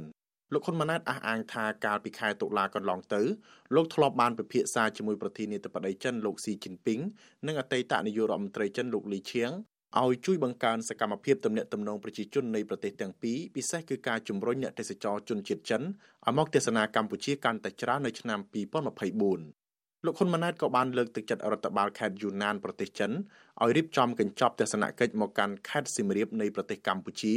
ដើម្បីចូលរួមព្រឹត្តិការណ៍ទេសចរនានាឲ្យបានច្រើនពីព្រោះខេត្តសៀមរាបនិងខេត្តយូណានជាខេត្តដែលចងសម្ព័ន្ធមិត្តភាពជាមួយគ្នាស្រាប់ទោះជាយ៉ាងណាវិទ្យុអាស៊ីសេរីមិនអាចសុំការថាតិបាយពីអ្នកនាំពាក្យក្រសួងទេសចរលោកតបសុភ័ក្រនិងប្រធានមន្ត្រីទេសចរខេត្តសៀមរាបលោកងៅសេងកាក់បាននៅឡើយទេ ជំវិញការប្រឹងប្រែងទាក់ទាញភ្ញៀវទេសចរចិនឲ្យមកទស្សនាកម្ពុជាឲ្យច្រើននេះជាមួយគ្នានេះដែររដ្ឋមន្ត្រីក្រសួងព័ត៌មានលោកណេតភក្ត្រានៅក្នុងជំនួបពិភាក្សាជាមួយប្រតិភូប្រព័ន្ធផ្សព្វផ្សាយ CMG ប្រទេសចិនផ្នែកភាសាខ្មែរប្រចាំមជ្ឈមណ្ឌលកម្មវិធីភាសាតំបន់អាស៊ីនិងអាហ្វ្រិកនៃអគ្គស្ថានីយ៍វិទ្យុកាលពីថ្ងៃទី15ខែវិច្ឆិកាបានស្នើសុំឲ្យចិនជួយផ្សព្វផ្សាយអំពីវប្បធម៌ទំនៀមទម្លាប់និងវិស័យទេសចរព្រមទាំងភាសាខ្មែរ ទៅដល់ប្រជាជនចិនដើម្បីឲ្យបានយល់ច្បាស់អំពីប្រទេសកម្ពុជាក្នុងគោលបំណងទាក់ទាញអ្នកវិនិយោគិននិងទេសចរចិនឲ្យមករកស៊ីដើរលេងកម្សាន្តនៅកម្ពុជាយ៉ាងណាក៏ដោយអ្នកវិភាគមើលឃើញថាអ្នកទេសចរបរទេសនិងអ្នកទេសចរជាជនជាតិចិនទំនងជាមិនអាចមានកំណើនខ្លាំងនៅកម្ពុជាឡើងវិញក្នុងពេលនេះទេដោយសារតែវិបត្តិសេដ្ឋកិច្ចពិភពលោកធ្លាក់ចុះបន្ទាប់ពីជំងឺ Covid-19 ស្រាកស្រានផងនិងដោយសារតែភាពភ័យខ្លាចចំពោះសន្តិសុខផ្ទាល់ខ្លួនផងនោះ អ្នកវិភាគនយោបាយឯករាជ្យលោកបណ្ឌិតឡាវម៉ុងហៃមានប្រសាសន៍ថាក្នុងមួយរយៈពេលមកនេះរដ្ឋាភិបាលកម្ពុជាបានអនុញ្ញាតឲ្យជនជាតិចិនចូលមកស្នាក់នៅក្នុងប្រទេសកម្ពុជាជាច្រើនដោយគ្មានការគ្រប់គ្រងឲ្យបានតឹងរឹងជាហេតុធ្វើឲ្យជនជាតិចិនមួយចំនួនប្រព្រឹត្តអំពើខុសច្បាប់ដូចជាការជួញដូរមនុស្សជួញដូរគ្រឿងញៀននិងអំពើចាប់ចម្រិតតាមប្រព័ន្ធអនឡាញដែលធ្វើឲ្យប៉ះពាល់ដល់កេរ្តិ៍ឈ្មោះរបស់ប្រទេសកម្ពុជាទាំងមូល។ ស្វ័យស្វ័យនេះគឺពីរឿងជាចរនេះប៉ះពាល់ដោយសារទូទុច្ចរិតឬក៏បាត់ល្មើសអកតកម្មរបស់ជនជាតិចិនមករស់ស៊ីអីចម្រិតមនុស្សប្រកំមនុស្សឲ្យធ្វើការជួយបាយឬចម្រិតគេអញ្ចឹងទៅបាទកាលពីខែកញ្ញាសារព័ត៌មានបរទេសឈ្មោះ Nike Asia ធ្លាប់បានចុះផ្សាយថាប្រទេសកម្ពុជាគឺជាជំរកសម្រាប់ក្រុមជនឆបោកតាមបណ្ដាញអ៊ីនធឺណិតដែលមានទាំងការជួញដូរមនុស្ស អំពើចាប់ចម្រិតមនុស្សទារប្រាក់ព្រមទាំងការបាញ់សម្លាប់មនុស្សជាដើមបន្ថែមពីលើនេះភាពយន្តចិនក៏បានផលិតរឿងមួយដែលមានចំណងជើងថា No More Bad ក៏បាននិយាយអាក្រក់ពីកម្ពុជានិងចាត់ទុកកម្ពុជាជាប្រទេសម៉ាហ្វៀជាកន្លែងចាប់ចម្រិតនិងជាកន្លែងធ្វើទរណកម្មមនុស្សគួរឲ្យភ័យខ្លាចដែលបញ្ហាទាំងនេះកំពុងធ្វើឲ្យកម្ពុជាជាប់គេឈ្មោះយ៉ាងអាក្រក់ព្រមទាំងប៉ះពាល់ដល់កិច្ចខិតខំប្រឹងប្រែងក្នុងការស្ដារវិស័យឧស្សាហកម្មទេសចរឡើងវិញផងដែរមគ្គុទេសចរនិយាយភាសាចិនម្នាក់ លោកយិនហ្វាតមានប្រសាសន៍ថាបច្ចុប្បន្ននេះភ្ញៀវទេសចរជនជាតិចិនដែលមកទស្សនាអង្គរបានថយចុះយ៉ាងខ្លាំងបើប្រៀបធៀបទៅនឹងពេលមុនកើតជំងឺ Covid-19 មគ្គុទេសចរដដែលឲ្យដឹងទៀតថាបច្ចុប្បន្ននេះក្រុមមគ្គុទេសចរនិយាយភាសាចិនជាច្រើនអ្នកបាត់បង់ចំណូលទាំងស្រុងហើយបានបោះបង់ការងារនាំភ្ញៀវទេសចរដោយទៅរកការងារផ្សេងផ្សេងដើម្បីបានកម្រៃសម្រាប់រស់នៅប្រចាំថ្ងៃវិញមានភ្ញៀវចិននៅអត់ទាន់សម្ពូរទេណាមគ្គុទេសភាសាចិននោះជួបលំបាកច្រើនណាស់ ឥឡូវរត់ទៅធ្វើការគេអស់ហើយដែលខ្ញុំជាអ្នកចាស់ទុំទៅខ្ញុំធ្វើអីទៅណានោះខ្ញុំចិត្តតែនៅប្រចាំនៅតែប្រសាទពលវត្តចិត្តតែបានតិតក់តិតក់ទៅណាពួកខ្ញុំនេះបើក្មេងៗគ្នាជួបលំបាកច្រើនណាវាច្បាស់ជាមានបំណងដើម្បីទៅឲ្យភ្ញៀវចិនមកដើម្បីឲ្យវានិស្សិតទេសចរយើងដើម្បីឲ្យបានសេដ្ឋកិច្ចទូធាវាមិនមែនជាខ្ញុំទេវាទូទាំងប្រទេសកម្ពុជាយើងណាការធ្លាក់ចុះចំនួនភ្ញៀវទេសចរបរទេសនិងភ្ញៀវទេសចរចិនមកទស្សនាអង្គរនេះ មិនត្រឹមតែធ្វើឲ្យក្រុមមគ្គុទេសចរបាត់បង់ការងារប៉ុណ្ណោះទេវាក៏ធ្វើឲ្យអ្នកបម្រើសេវាកម្មផ្នែកទេសចររាប់ម៉ឺននាក់បាត់បង់ការងារនិងប្រាក់ចំណូលដែរប្រធានសហព័ន្ធសហជីពកម្មករនយោជិតវិស័យទេសចរសេវាកម្មកម្ពុជា លោកមុំរទ្ធីមានប្រសាសន៍ថារយៈពេល3ទៅ4ឆ្នាំចុងក្រោយនេះប្រជាពលរដ្ឋប្រមាណ100000នាក់នៅខេត្តសៀមរាបដែលជាអ្នកដឹកជញ្ជូនភ្ញៀវទេសចរ អ្នកបម្រើសេវាកម្មទេសចរនៅតាមសន្តាគារនិងភោជនីយដ្ឋានព្រមទាំងអ្នកលក់ដូររកកម្រៃពីទេសចរបានបាត់បង់ការងារនិងប្រាក់ចំណូលប្រចាំថ្ងៃធ្វើឲ្យពួកគេប្រឈមមុខនឹងបញ្ហាជីវភាពខ្វះខាតយ៉ាងខ្លាំង។ តាមការសង្កេតរបស់ខ្ញុំគឺថាសន្តាគារជាសំណាក់ពុញឋានមិនទាន់បានបើកទៅដល់100%នៅបើកត្រឹម20 30%ទេពេលបច្ចុប្បន្នណាហើយការរើសបុគ្គលិកចូលវិញក៏មិនរើសបានពេញលេញដែរបានន័យថារើសត្រឹមតែទង់30 40%អត់គួរចូលពេញដូចដើមទេអញ្ចឹងអញ្ចឹងគឺថាការដែលនៅមិនទាន់មានការងារធ្វើវាអាចនៅសល់ស្ទង់70%អីហ៎អត់ស្គាល់វិញគឺស្គាល់ស្គាល់ស្គាល់ទាំងគ្រួសារទាំងបំណុលធនាគារទាំងការចំណាយផ្សេងផ្សេងហ្នឹងគឺវាប៉ប៉ប៉ធ្ងន់ធ្ងរខ្លាំងមែនទែនហើយក៏ប៉ុន្តែបើទោះបីជាយ៉ាងណារដ្ឋាភិបាលកម្ពុជារំពឹងថានៅឆ្នាំ2023នេះចំនួនភ្ញៀវទេសចរបរទេសដែលមកទស្សនាកម្ពុជាអាចមានចំនួនជាង4លាននាក់ខ្ញុំថាថៃពីទីក្រុងមែលប៊ន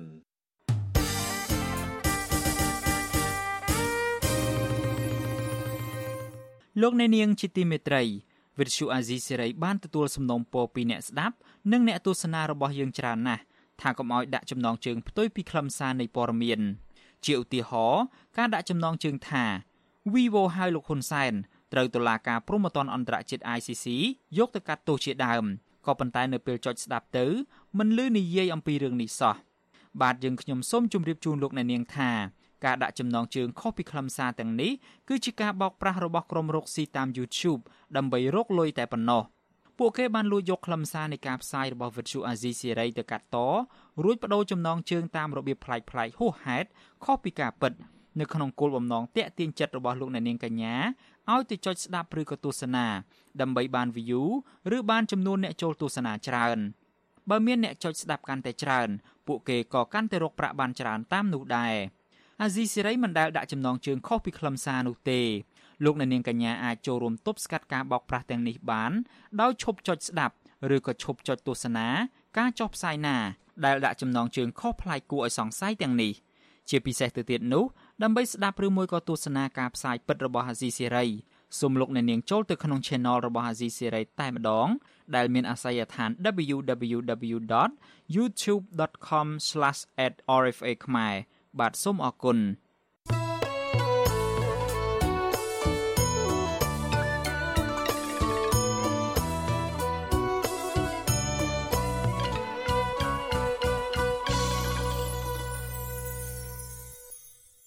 បាទលោកអ្នកនាងជាទីមេត្រីព័ត៌មានដាច់ដライមួយទៀតក្រមយុវជនចង់ឃើញរដ្ឋាភិបាលដឹកនាំដោយលោកហ៊ុនម៉ាណែត យកចិត្តទុកដាក់និងបើកលំហសិទ្ធិសេរីភាពឲ្យយុវជនចូលរួមឈឺឆ្អាលបញ្ហាសង្គមជាជាងមានតែទ្រឹស្ដីប៉ុន្តែគ្មានការអនុវត្តជាក់ស្ដែងពួកគាត់សង្កេតឃើញថារដ្ឋាភិបាលហាក់រើសអើងចំពោះយុវជន ដែលមានឆន្ទៈចង់ចូលរួមជួយសង្គមជាតិនិងរដ្ឋបិទសិទ្ធិសេរីភាពរបស់ពួកគាត់បាទកញ្ញាខណ្ឌលក្ខណារាយការណ៍ព័ត៌មាននេះជូនលោកអ្នកនាង។ក្រមយុវជនលើកឡើងថារដ្ឋាភិបាលនៅមិនទាន់លើកកម្ពស់ ឲ្យចូលរួមកិច្ចការងារសង្គមឲ្យបានពេញលេញនោះទេខណៈដែលយុវជន អ្នកនយោបាយនិងអ្នកសារព័ត៌មានជាដើម តែងតែទទួលរងការគំរាមកំហែងការយាយីនិងការធ្វើទុកបុកម្នេញផ្សេងផ្សេងពីសំណាក់អាជ្ញាធររដ្ឋនិស្សិតសិក្សាផ្នែកច្បាប់នៃសាកលវិទ្យាល័យភូមិន្ទនីតិសាស្ត្រវិទ្យាសាស្ត្រសេដ្ឋកិច្ចកញ្ញាហេងកំសួរប្រាប់វិសុអសីសេរីនៅថ្ងៃទី18វិច្ឆិកាថាការបំផុសទឹកចិត្តយុវជនឲ្យចេះស្រឡាញ់ជាតិ គឺមិនមែនជារឿងខុសនោះទេប៉ុន្តែរដ្ឋាភិបាលហាក់បំបាក់ស្មារតីនិងបំផិតបំភ័យយុវជនទៅវិញ នៅពេលដែលមានយុវជនចូលរួមការងារសង្គមកញ្ញាបន្តថាបើគ្រាន់តែជាការលើកឡើងរបស់លោកហ៊ុនម៉ាណែតឲ្យយុវជនស្រឡាញ់ជាតិគឺមិនទាន់គ្រប់គ្រាន់នោះទេប៉ុន្តែរដ្ឋាភិបាលត្រូវបើកលំហសិទ្ធិសេរីភាពឲ្យយុវជនផងដែរ មិនថាតការរើសអើងឬក៏ការបំផិតបំភ័យទេខ្ញុំចង់ឲ្យរដ្ឋាភិបាលគាត់កលែងទៅមើលថានៅពេលដែលយុវជនគាត់ដល់វ័យមួយដែលគាត់ថាគាត់ស្រឡាញ់ស្នេហាជាតិហើយបើសិនជាមើលទៅប្រទេសជិតខាងគឺគេយកចិត្តទុកដាក់ណាយុវជនគេស្រឡាញ់ស្នេហាជាតិគឺគេគ្រប់គ្រងណាហេតុអីបានយើងមានធនធានមនុស្សកម្របែបហ្នឹងហើយហេតុអីយើងអត់អត់ថែរក្សាអត់លើកទឹកចិត្តពួកគាត់បែរជាទៅបំផិតបំភ័យឬក៏លៀបពណ៌អីផ្សេងផ្សេងទៅវិញអញ្ចឹងបង ការលើកឡើងរបស់យុវជនបែបនេះគឺស្របពេលដែលលោកហ៊ុនម៉ាណែតកាលពីថ្ងៃទី17វិច្ឆិកាបានថ្លែងក្នុងពិធីអបអរជោគជ័យនៃការរៀបចំប្រកួតកីឡាស៊ីហ្គេមលើកទី32និងអាស៊ានប៉ារ៉ាហ្គេមលើកទី12ថាព្រឹត្តិការណ៍ប្រកួតកីឡាស៊ីហ្គេមមិនត្រឹមតែបង្ហាញទៅកាន់អន្តរជាតិអំពីការរីកចម្រើនរបស់កម្ពុជានៅក្រោយសង្គ្រាមនោះទេ តែវាបានគាស់រំលើងស្មារតីអង្គរ និងជំរុញឲ្យប្រជាជនខ្មែរគ្រប់និន្នាការនយោបាយទាំងក្នុងស្រុកនិងក្រៅស្រុកបំផុសស្មារតីឲ្យស្រឡាញ់ជាតិតការនេះក៏បានបំផុសស្មារតីស្រឡាញ់ជាតិស្រឡាញ់កីឡាស្រឡាញ់សុខភាពនិងចលនាជាតិនិយមយ៉ាងផុសផុលដល់បងប្អូនជនរួមជាតិខ្មែរគ្រប់ស្រទាប់វណ្ណៈនិងគ្រប់គ្រប់រូបឲ្យចងចាំឡើងវិញថាកម្ពុជាពិតជាជាតិមួយថ្កើងថ្កាន មានអរិយធម៌ពុកពុះហើយយើងគ្រប់គ្នាត្រូវតែមានមោទនភាពទោះបីជាលោកហ៊ុនម៉ាណែត ជំរុញឲ្យប្រជាពលរដ្ឋខ្មែរគ្រប់និន្នាការចេះរួបរวมគ្នាយ៉ាងណាក្តីក៏កន្លងទៅសកម្មជនសិទ្ធិមនុស្សសកម្មជនសង្គមនិងអ្នកនយោបាយបកប្រឆាំងដែលមានមតិផ្ទុយតែងតែត្រូវបានរដ្ឋាភិបាលដឹកនាំដោយលោកហ៊ុនសែននិងលោកហ៊ុនម៉ាណែតលៀបពណ៌វាយធ្វើបាប និងចោទប្រកាន់តាមផ្លូវតុលាការជាដើមជុំវិញបញ្ហានេះដែរប្រធានកម្មវិធីផ្នែកចងក្រងនិងពង្រឹងសិទ្ធិអំណាចនៃបណ្ដាញយុវជនកម្ពុជា លោកម៉ៅច័ន្ទតារាមានប្រសាសន៍ថាការលើកឡើងរបស់លោកហ៊ុនម៉ាណែតនេះហាក់មិនទាន់ឆ្លើយតបទៅនឹងការចូលរួមរបស់យុវជននៅឡើយទេ ពីព្រោះកន្លងមកយុវជនដែលតែងតែធ្វើសកម្មភាពដើម្បីផលប្រយោជន៍សង្គមអញ្ញាធិបបែជាគម្រាមកំហែងពួកគាត់ទៅវិញ បើចង់ឲ្យសកម្មភាពទាំងអស់ហ្នឹងអាចអនុវត្តបានគេមើលឃើញថាតតាអាញាធមូលដ្ឋានឬមកក៏ភាគីពាក់ព័ន្ធហ្នឹងគាត់ចូលរួមផ្លាស់ប្ដូរអេយ៉ាបតឲ្យលើកកម្ពស់ឬមកក៏លើកទឹកចិត្តទៅដល់យុវជនសកម្មជនដើម្បីឲ្យគាត់អាចមានសេរីភាពឬមកក៏លំហ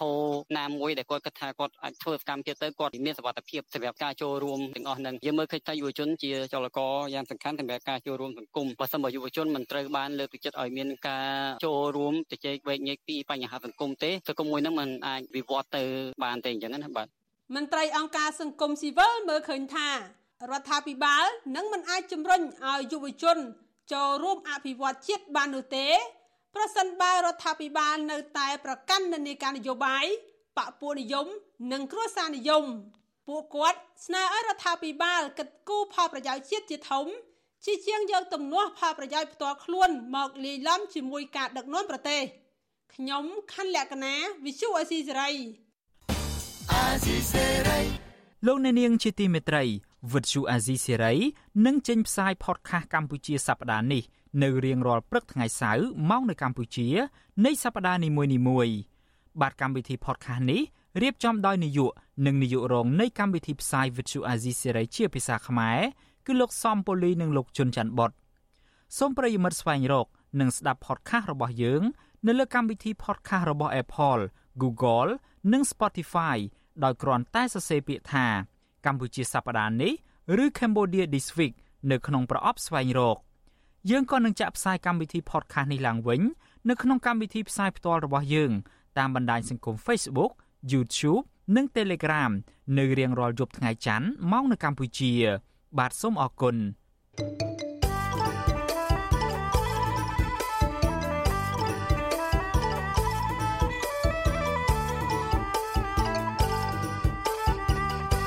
បាទលោកអ្នកនាងជាទីមេត្រីនៅឯខេត្តកំពង់ឆ្នាំងឯណោះវិញប្រជាពលរដ្ឋព្រួយបារម្ភអំពីបញ្ហាសម្រាមបែបអនាធបត័យនៅតាមមាត់ទន្លេសាប ដែលធ្វើឲ្យប៉ះពាល់ដល់បរិស្ថាន និងសុខភាពរបស់ពលរដ្ឋនៅក្បែរនោះសកម្មជនបរិស្ថានលើកឡើងថាបញ្ហាសម្រាមនេះកើតមានស្ទើរតែគ្រប់ទីកន្លែងដោយសារតែអាជ្ញាធរពាក់ព័ន្ធពុំមានឆន្ទៈដោះស្រាយឲ្យបានត្រឹមត្រូវ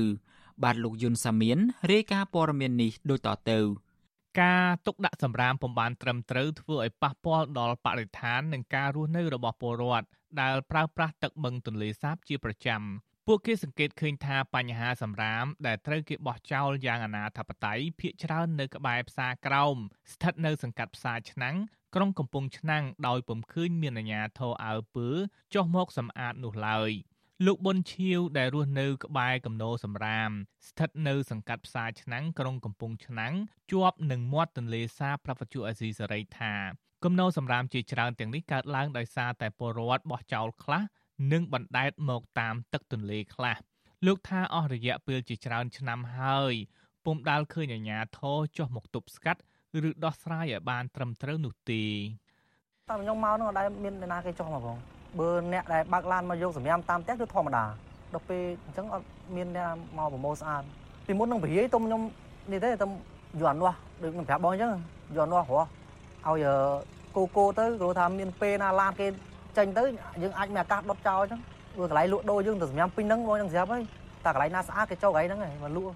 គេសង្កេតឃើញថាបញ្ហាសម្រាមនៅតាមមាត់ទន្លេភ ieck ច្រើនកើតឡើងដោយសារតែពលរដ្ឋរស់នៅលើដីគោកបានចោលទៅក្នុងទឹកទន្លេដោយពំបានដាក់ក្នុងធុងសម្រាមបានត្រឹមត្រូវចំណែកមួយផ្នែកទៀតកើតឡើងមកពីពលរដ្ឋមួយចំនួន ដែលរស់នៅលើផ្ទះបណ្ដែតទឹកលើទន្លេសាប ដែលបោះចោលសម្រាមតាមតែអំពើចិត្តលោកស្រីសុកស្រីជាតិដែលជាអ្នកលក់ដូរនៅតាមផ្សារក្រោមហើយប្រើប្រាស់ទឹកទន្លេសម្រាប់ងូតនិងដាំបាយជាប្រចាំ លើកឡើងថាពលរដ្ឋពុំសូវដឹងពីការទុកដាក់សម្រាមឲ្យបានត្រឹមត្រូវ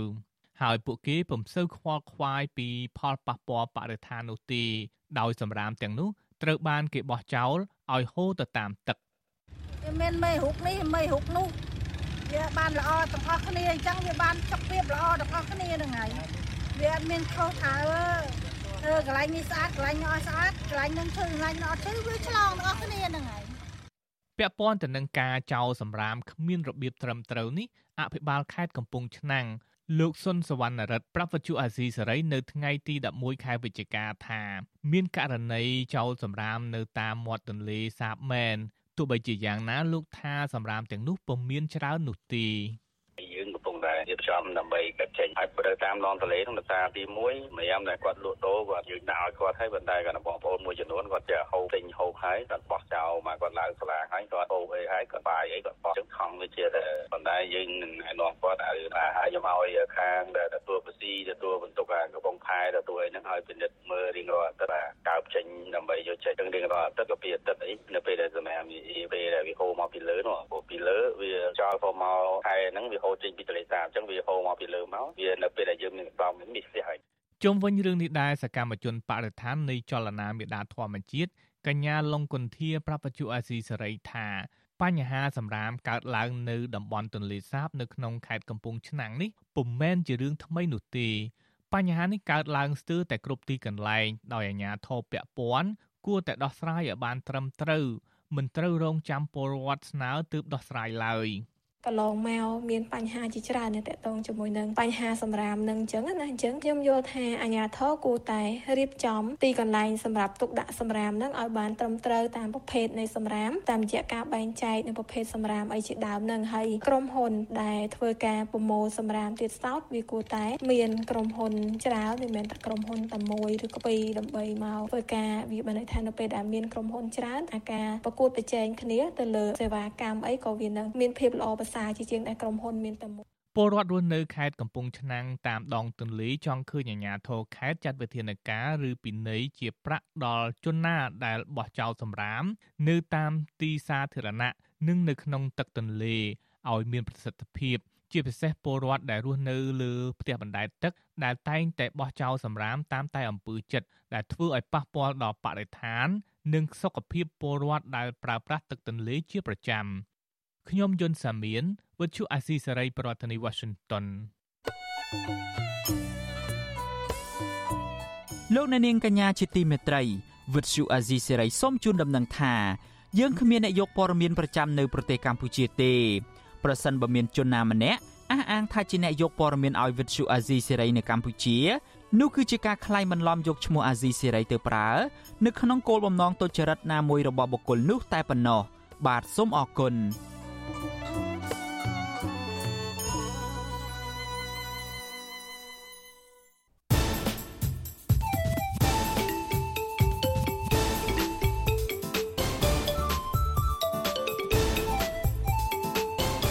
វិភាគ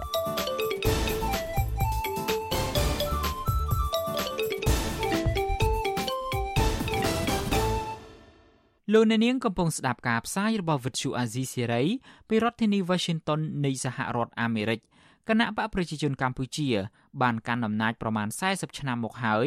ក៏ប៉ុន្តែគណៈបកមួយនេះហាក់មិនទុកចិត្តខ្លួនឯងនៅឡើយទេ គណៈបកនេះបានស្វាស្វែងប្រម៉ែប្រមូលគណៈបកតូចតូចឲ្យមកនៅក្រោមការត្រួតត្រារបស់ខ្លួនឥឡូវនេះគណៈបកប្រជាជនកម្ពុជារបស់លោកហ៊ុនសែនមានគណៈបកជិត30ជាសម្ព័ន្ធមិត្តរបស់ខ្លួនលោកហ៊ុនសែនបានចងសម្ព័ន្ធភាពជាមួយគណៈបកតូចតូចនេះគឺនៅស្របពេលដែលគណៈបកភ្លើងទៀនដែលជាបកប្រឆាំងធំជាងគេនៅកម្ពុជា បានចងសម្ព័ន្ធភាពជាមួយគណៈបក3ផ្សេងទៀតដើម្បីត្រៀមប្រកួតប្រជែងការបោះឆ្នោតនៅពេលខាងមុខ តើហេតុអ្វីបានជាលោកហ៊ុនសែនចងសម្ព័ន្ធភាពជាមួយគណៈបកតូចតូចផ្សេងទៀតបែបនេះបាទសូមលោកអ្នកនាងស្ដាប់បទវិភាគរបស់លោកទីនហ្សាការីយ៉ាអំពីបញ្ហានេះដូចតទៅអតីតនាយករដ្ឋមន្ត្រីលោកហ៊ុនសែនបានផ្ទេរអំណាចឲ្យកូនគឺលោកហ៊ុនម៉ាណែតបានដូចបំណងដោយពុំមានឧបសគ្គអ្វីនោះឡើយទោះបីជាលោកហ៊ុនសែនបានប្រកល់អំណាចឲ្យលោកហ៊ុនម៉ាណែតបានដោយជោគជ័យក្តីក៏លោកហ៊ុនសែនហាក់នៅមិនទាន់ស្ងប់ចិត្តនោះឡើយជាផ្លូវការបើទោះបីជាលោកហ៊ុនសែន លែងមានទូរនទីជាប្រមុខរដ្ឋាភិបាលក៏ដោយក៏លោកហាក់នៅក្តោបក្តាប់អំណាចនៅក្នុងដៃយ៉ាងណែនដដែលតាមការសង្កេតលោកហ៊ុនសែនបានរៀបចំផែនការកាន់កាប់អំណាចនេះហាក់ខ្លាំងជាងពេលមុនថែមទៀតផងលោកបែងចែកទូនាទីឲ្យកូនចៅរបស់លោកដឹកនាំស្ថាប័នសំខាន់សំខាន់ជាច្រើនជាក់ស្ដែងលោកហ៊ុនម៉ាណែតជានាយករដ្ឋមន្ត្រីលោកហ៊ុនម៉ាណីជារដ្ឋមន្ត្រីក្រសួងមុខងារសាធារណៈដែលគ្រប់គ្រងមន្ត្រីរាជការស៊ីវិលទាំងមូលកូនរបស់លោកមួយរូបទៀតគឺលោកហ៊ុនម៉ាណិត កាន់ខាងចារកម្មនៅក្រសួងការពារជាតិនិងជាមេបញ្ជាការរងកងទ័ពជើងគោកក្រៅពីនេះទៀតកូនប្រសាររបស់លោកក៏មានទូនាទីដឹកនាំក្រសួងស្ថាប័ននិងកូនស្រីរបស់លោកគឺអ្នកស្រីហ៊ុនម៉ាណាបានក្តោបក្តាប់មុខចំនួនធំធំជាច្រើនកន្លែងនៅកម្ពុជា របាយការណ៍របស់អង្គការឃ្លាំមើលពិភពលោក Global Witness បានចេញរបាយការណ៍ស្ដីពីការក្តោបក្តាប់សេដ្ឋកិច្ចកម្ពុជារបស់ត្រកូលហ៊ុនតាមរយៈការរំលោភច្បាប់និងសិទ្ធិមនុស្ស ដោយមិនមានការស៊ើបអង្កេតណាមួយពីស្ថាប័នរដ្ឋនោះឡើយរបាយការណ៍នេះបញ្ជាក់ថាក្រុមគ្រួសារត្រកូលហ៊ុនប្រើប្រាស់អំណាចដើម្បីក្តោបក្តាប់សេដ្ឋកិច្ចកម្ពុជា ដែលមានតម្លៃវ៉ាលានដុល្លារសហរដ្ឋអាមេរិកទោះបីជាលោកហ៊ុនសែននិងកូនចៅរបស់លោក បានក្តោបក្តាប់អំណាចរួមទាំងមុខចំនួនពេញដៃបែបនេះក្តីក៏លោកហ៊ុនសែនហាក់នៅមិនទាន់ស្ងប់ចិត្តនិងមិនទុកចិត្តខ្លួនឯងនោះឡើយកាលពីខែតុលាកន្លងទៅនេះ លោកបានគៀកគណៈបកនយោបាយចំនួន27គណៈបកក្នុងនោះមានគណៈបកខ្លះមិនទាំងដែលធ្វើសកម្មភាពអ្វីសោះផងក៏លោកហ៊ុនសែនប្រមូលយកមកឲ្យនៅក្រោមឃ្លៀករបស់គណៈបកប្រជាជនកម្ពុជា ក្រោមការត្រួតត្រារបស់លោកថែមទៀតផងដោយលោកបានចង់សម្ព័ន្ធភាពជាមួយគណៈបកទាំង27នេះនេះជាលើកទី1ហើយនឹងជាប្រវត្តិសាស្ត្រ ដែលគណៈបកកណ្ដាលអំណាចបានចង់សម្ព័ន្ធភាពជាមួយគណៈបកនយោបាយនៅក្រៅរដ្ឋាភិបាលជាទ្រង់ទ្រាយធំបែបនេះលោកហ៊ុនសែនចង់សម្ព័ន្ធភាពនេះមិនមែនជារឿងចៃដន្យនោះឡើយលោកហ៊ុនសែនមានគោលដៅជាក់លាក់ក្នុងការចង់សម្ព័ន្ធភាព ការចង់សម្ព័ន្ធភាពនេះនៅស្របពេលក្រុមគណៈបកប្រឆាំងបានចង់សម្ព័ន្ធភាពនឹងគ្នាដែរបញ្ហានេះតាមមើលទៅលោកហ៊ុនសែនចង់ទប់ស្កាត់ចលនាគណៈបកនៅក្រៅរដ្ឋាភិបាលមិនឲ្យរួបរวมគ្នាផង និងចង់ឲ្យគណៈបកនៅក្រៅរដ្ឋាភិបាលមួយចំនួនទៀតរត់មកនៅក្រោមឃ្លៀករបស់លោកផង និងដើម្បីងាយស្រួលគ្រប់គ្រងជាធម្មតាគណៈបកនៅក្រៅរដ្ឋាភិបាលឬគណៈបកប្រឆាំងស្វះស្វែងចងសម្ព័ន្ធភាពនឹងគ្នា ដើម្បីមានកម្លាំងខ្លាំងឬមានអ្នកគ្រប់គ្រងច្រើនដើម្បីប្រកបប្រជែងជាមួយគណៈបកកណ្ដាលអំណាចឧទាហរណ៍ដូចជាគណៈបកសិទ្ធិមនុស្សនិងគណៈបកសំរងស៊ីបញ្ចង់សម្ព័ន្ធភាពនឹងគ្នា ហើយចូលរួមការបោះឆ្នោតកាលពីឆ្នាំ2013ជាដើម ក៏ប៉ុន្តែសម្រាប់គណៈបកប្រជាជនកម្ពុជាលហ៊ុនសែនដែលចង់សម្ព័ន្ធភាពជាមួយគណៈបកទាំង27ផ្សេងទៀតនៅពេលនេះតើលោកហ៊ុនសែនមានបំណងអ្វីពិតប្រាកដនៅត្រង់ចំណុចនេះលោកហ៊ុនសែនបានសារភាពនៅក្នុងពិធីចង់សម្ព័ន្ធភាពជាមួយគណៈបកតូចតូចទៅនោះថាគណៈបកប្រជាជនកម្ពុជារបស់លោក មានធនធានមនុស្សនិងថវិកាគ្រប់គ្រាន់ហើយ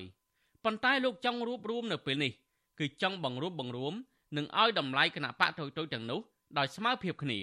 ការចងសម្ព័ន្ធភាពនេះ គឺខ្ញុំសូមបញ្ជាក់ឲ្យបានច្បាស់ថាគណៈបកទាំងអស់មិនស្ថិតនៅក្រោមការគ្រប់គ្រងរបស់បកណាមួយនោះទេអ្នកទាំងអស់គ្នាគឺជាដៃគូស្មើភាពស្មើសិទ្ធិជាមួយគ្នាគណៈបកទាំងអស់មិនមែនចំណុះគណៈបកប្រជាជនទេក៏ប៉ុន្តែយើងស្ម័គ្រចិត្តនឹងធ្វើកិច្ចសហប្រតិបត្តិការជាមួយគ្នាទោះបីថាគណៈបកប្រជាជនកំពុងកាន់អំណាច មានធនធានមនុស្សធនធានហិរញ្ញវត្ថុច្រើនលើសលប់បើប្រៀបធៀបជាមួយគណៈបកផ្សេងក៏ប៉ុន្តែយើងមិនបានចាត់ទុកគណៈបកទាំងអស់ថាជាគណៈបកដែលតូចតាចនោះទេ ដែលហៅថាគណៈបកនយោបាយស្រាប់បាប់គឺវាមានគេថាសិទ្ធដូចគ្នាអ្វីដែលគួរឲ្យអស់សំណើចនោះ គឺថាបើសិនជាលោកហ៊ុនសែនពិតជាឲ្យគុណតម្លៃលើភាពស្មើគ្នានៃគណៈបកនយោបាយមែននោះ លោកប្រកាសជាមិនរំលាយចោលគណៈបកសង្គ្រោះជាតិកាលពីឆ្នាំ2017ឡើយពាក្យដែលលោកហ៊ុនសែនថាបើកសិទ្ធិសេរីភាពដល់គណៈបកនយោបាយដោយស្មើស្មើគ្នានេះទំនងគ្រាន់តែនិយាយឲ្យល្អមើលប៉ុណ្ណោះអ្វីជាការកត់សម្គាល់នោះលោកហ៊ុនសែនបើកឱកាសឲ្យតែគណៈបកណាដែលមិនមានប្រជាប្រិយភាពចូលរួមការបោះឆ្នោតតែប៉ុណ្ណោះដូចជាគណៈបកសម្បុកឃុំសង្គមប្រជាធិបតេយ្យគណៈបករូបរមជាតិនិងគណៈបកទើបបង្កើតថ្មីថ្មីមួយចំនួនទៀត ចូលរួមការបោះឆ្នោតកាលពីខែកក្កដាឆ្នាំ2013ជាដើមរីឯគណៈបកភ្លើងទៀនដែលជាគណៈបកប្រឆាំងចុងក្រោយគេនោះបែជាកោជបដែលស្ថិតនៅក្រោមអធិបុលរបស់អតីតនាយករដ្ឋមន្ត្រីមិនអនុញ្ញាតឲ្យចូលរួមការបោះឆ្នោតនោះទេក្រមលេសថាគ្មានលិខិតចុះបញ្ជីច្បាប់ដើមនៅក្រសួងមហាផ្ទៃលហ៊ុនសែនចង់សម្ព័ន្ធភាពជាមួយគណៈបកតូចតូចជិត30ទៀតនេះតំណងជាលោកចង់ឲ្យគណៈបកទាំងនេះ ជួយទប់លំនឹងកៅអីនាយករដ្ឋមន្ត្រីកូនប្រុសរបស់លោកនៅឆ្លោះពេលដែលក្រុមអ្នកប្រជាធិបតេយ្យកំពុងស្វះស្វែងចង់សម្ព័ន្ធភាពរឹងមាំដើម្បីប្រកួតប្រជែងជាមួយគណៈបកកាន់អំណាចនៅក្នុងពេលបោះឆ្នោតខាងមុខនៅទន្ទឹមនឹងនេះលោកហ៊ុនសែនក៏បានតែងតាំងមេដឹកនាំគណៈបកនយោបាយនៅក្នុងសម្ព័ន្ធរបស់លោកឲ្យមានតួនាទីជាសមាជិកឧត្តមប្រឹក្សាពិគ្រោះយោបល់របស់រដ្ឋាភិបាលដែរដោយពួកគេស៊ីប្រាក់ខែរដ្ឋ ដែលជាលុយបង់ពន្ធរបស់ប្រជាពលរដ្ឋទោះបីជាគណៈបកទាំងនោះប្រជាពលរដ្ឋមិនបានបោះឆ្នោតឲ្យក៏ដោយចុះអ្នកសង្កេតការយល់ឃើញថាការយកលុយរបស់ប្រជាពលរដ្ឋទៅចំណាយលើប្រាក់ខែគណៈបករណបគណៈបកប្រជាជនកម្ពុជាទាំង27នេះគឺជាការចំណាយខ្ជិះខ្ជាយថវិកាជាតិឥតប្រយោជន៍និងមិនត្រឹមត្រូវលន់សានធ្វើរឿងទាំងអស់នេះសុទ្ធសឹងតែជាការលួងចិត្តដើម្បីឲ្យមន្ត្រីគណៈបកទាំង27មានទំនុកចិត្ត និងខំការពាររដ្ឋាភិបាលថ្មីដែលដឹកនាំដោយកូនប្រុសរបស់លោកគឺលោកហ៊ុនម៉ាណែតដែលលោកនៅមិនទាន់មានទំនុកចិត្តលើកូនប្រុសរបស់លោកទាំងស្រុងនោះម្យ៉ាងវិញទៀតការបង្កើតសម្ព័ន្ធភាពជាមួយគណៈបកដតីរបស់លោកហ៊ុនសែននៅពេលនេះក៏ទំនងជាលោកភ័យខ្លាចគណៈបកទុយទុយរួមគ្នាហើយចង់សម្ព័ន្ធជាមួយគណៈបកប្រឆាំងឬកម្លាំងអ្នកប្រជាធិបតេយ្យដែលអាចជាការគំរាមកំហែងដល់គណៈបកប្រជាជនកម្ពុជារបស់លោកដូច្នេះ លោកហ៊ុនសែនមិនបានបង្អង់យូរឡើយក្រោយពីឃើញគណៈបកភ្លឹងទៀនរៀបចំចង់សម្ព័ន្ធជាមួយគណៈបកដទៃទៀតនោះលោកក៏ប្រញាប់ប្រញាល់ប្រមូលគណៈបកតូចតូចដល់គណៈបកខ្លះមិនដាល់ធ្វើសកម្មភាពផងនោះមកបង្កើតជាសម្ព័ន្ធដើម្បីត្រៀមទប់ទល់ជាមួយកម្លាំងអ្នកប្រជាធិបតេយ្យជីវិតរបស់លោកហ៊ុនសែនហាក់ស្ថិតនៅក្នុងភាពភ័យខ្លាចជាប់រហូតបើទោះជាលោកបានផ្ទេរអំណាចឲ្យកូនប្រុសរបស់លោកហើយក្តីអ្វីដែលលោកទំនងជាភ័យខ្លាចនៅពេលនេះ គឺកម្លាំងអ្នកប្រជាធិបតេយ្យរួមគ្នាជាសម្ព័ន្ធคล้ายជាគណៈបកប្រឆាំងដ៏រឹងមាំនិងមានប្រជាប្រិយភាពដោយពេលគណៈបកសំរងស៊ីនិងគណៈបកសិទ្ធិមនុស្សបានរួមគ្នាคล้ายជាគណៈបកសង្គ្រោះជាតិដែលបានឈ្នះអាសនៈចំនួន55អាសនៈនៅក្នុងការបោះឆ្នោតសកលកាលពីឆ្នាំ2013នេះហើយគឺជាមូលហេតុពិតប្រាកដដែលបង្ខំឲ្យលោកហ៊ុនសែនបង្គាប់ឲ្យតុលាការកំពូលរំលាយគណៈបកសង្គ្រោះជាតិចោលដោយអយុត្តិធម៌នោះ ខ្ញុំបាទទីនសាការីយ៉ាអស៊ីសេរីពីរដ្ឋធានី Washington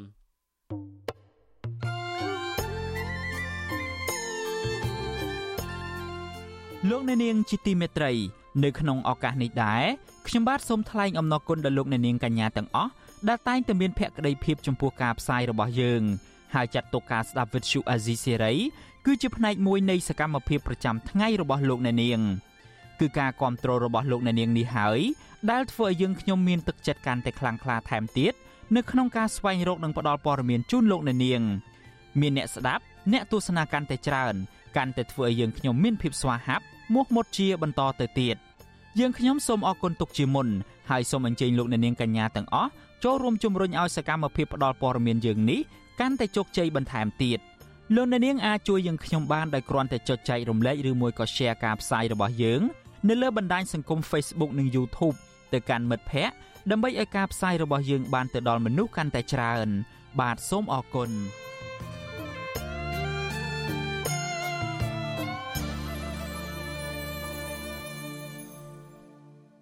លោកអ្នកនាងជាទីមេត្រីវិទ្យុអាស៊ីសេរីបានទទួលសំណូមពរពីអ្នកស្ដាប់និងអ្នកទស្សនារបស់យើងច្រើនណាស់ថាកុំឲ្យដាក់ចំណងជើងផ្ទុយពីខ្លឹមសារនៃព័ត៌មាន ជាឧទាហរណ៍ការដាក់ចំណងជើងថា Vivo ហៅលោកហ៊ុនសែនត្រូវតុលាការព្រហ្មទណ្ឌអន្តរជាតិ ICC យកទៅកាត់ទោសជាដើមក៏ប៉ុន្តែនៅពេលចុចស្ដាប់ទៅមិនលឺនិយាយអំពីរឿងនេះសោះបាទយើងខ្ញុំសូមជម្រាបជូនលោកអ្នកនាងថាការដាក់ចំណងជើងខុសពីខ្លឹមសារទាំងនេះគឺជាការបោកប្រាស់របស់ក្រុមរកស៊ីតាម YouTube ដើម្បីរកលុយតែប៉ុណ្ណោះ ពួកគេបានលួចយកខ្លឹមសារនៃការផ្សាយរបស់ Virtual Azizi Series ទៅកាត់តរួចបដូរចំណងជើងតាមរបៀបប្លែកៗហួសហេតុខុសពីការពិតនៅក្នុងគោលបំណងតាក់ទាញចិត្តរបស់លោកអ្នកនាងកញ្ញាឲ្យទៅចុចស្ដាប់ឬក៏ទស្សនាដើម្បីបាន view ឬបានចំនួនអ្នកចូលទស្សនាច្រើនបើមានអ្នកចុចស្ដាប់កាន់តែច្រើន ពួកគេក៏កាន់តែរកប្រាក់បានច្រើនតាមនោះដែរអាស៊ីសេរីមិនដែលដាក់ចំណងជើងខុសពីខ្លឹមសារនោះទេ លោកអ្នកនាងកញ្ញាអាចចូលរួមទប់ស្កាត់ការបោកប្រាស់ទាំងនេះបាន ដោយឈប់ចុចស្ដាប់ឬក៏ឈប់ចុចទស្សនាការចុះផ្សាយណាដែលដាក់ចំណងជើងខុសប្លែកគួរឲ្យសង្ស័យទាំងនេះជាពិសេសទៅទៀតនោះដើម្បីស្ដាប់ឬមួយក៏ទស្សនាការផ្សាយពិតរបស់អាស៊ីសេរីសូមលោកអ្នកនាងចូលទៅក្នុង Channel របស់អាស៊ីសេរីតែម្ដង ដែលមានអាសយដ្ឋាន www.youtube.com/@rfa ខ្មែរបាទសូមអរគុណ